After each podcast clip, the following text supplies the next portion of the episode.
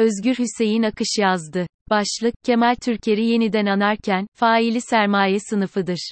Disk ile işçi sınıfının kurduğu bağ, Kemal Türklerin sınıf siyaseti ısrarı, işçi direnişlerindeki öncülük misyonu bir cinayetin altyapısını oluşturmak için yeterliydi.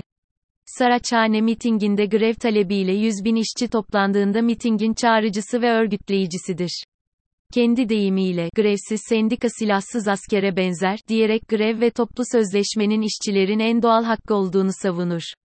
Kavıl Kablo Fabrikası'nda 28 Ocak 1963 yılında Maden İş Sendikası'nın başlattığı ve 36 gün süren grevan işçi sınıfı hareketi için önemli bir uğrak olduğu, işçi sınıfının hak arayışı ile siyaset sahnesindeki yerini almaya başladığının kanıtıdır.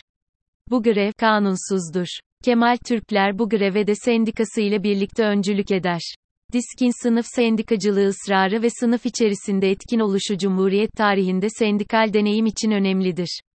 Bu deneyim dönemin sermaye iktidarlarını rahatsız ederken, kapatma davaları dahil birçok engellemeyle karşı karşıya kalınmıştır. Kemal Türklerin öldürülmesi bir siyasi sürecin sonunun geldiğini işaret eden bir siyasi cinayetti. Siyasi ve ekonomik krizin birlikte yaşandığı bir dönemde buna benzer cinayetler ve toplu katliamlar yaşanırken 24 Ocak kararlarının çıkartılması tesadüf olamaz. Devletin ekonomideki payını küçülten önlemler alındı, tarım ürünleri destekleme alımları sınırlandırıldı. Gübre, enerji ve ulaştırma dışında sübvansiyonlar kaldırıldı.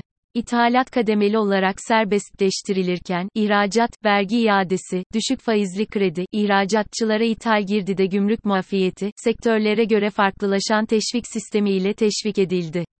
Dış ticaret serbestleştirilirken yabancı sermaye yatırımları teşvik edildi, dışarıya kar transferlerine kolaylık sağlandı.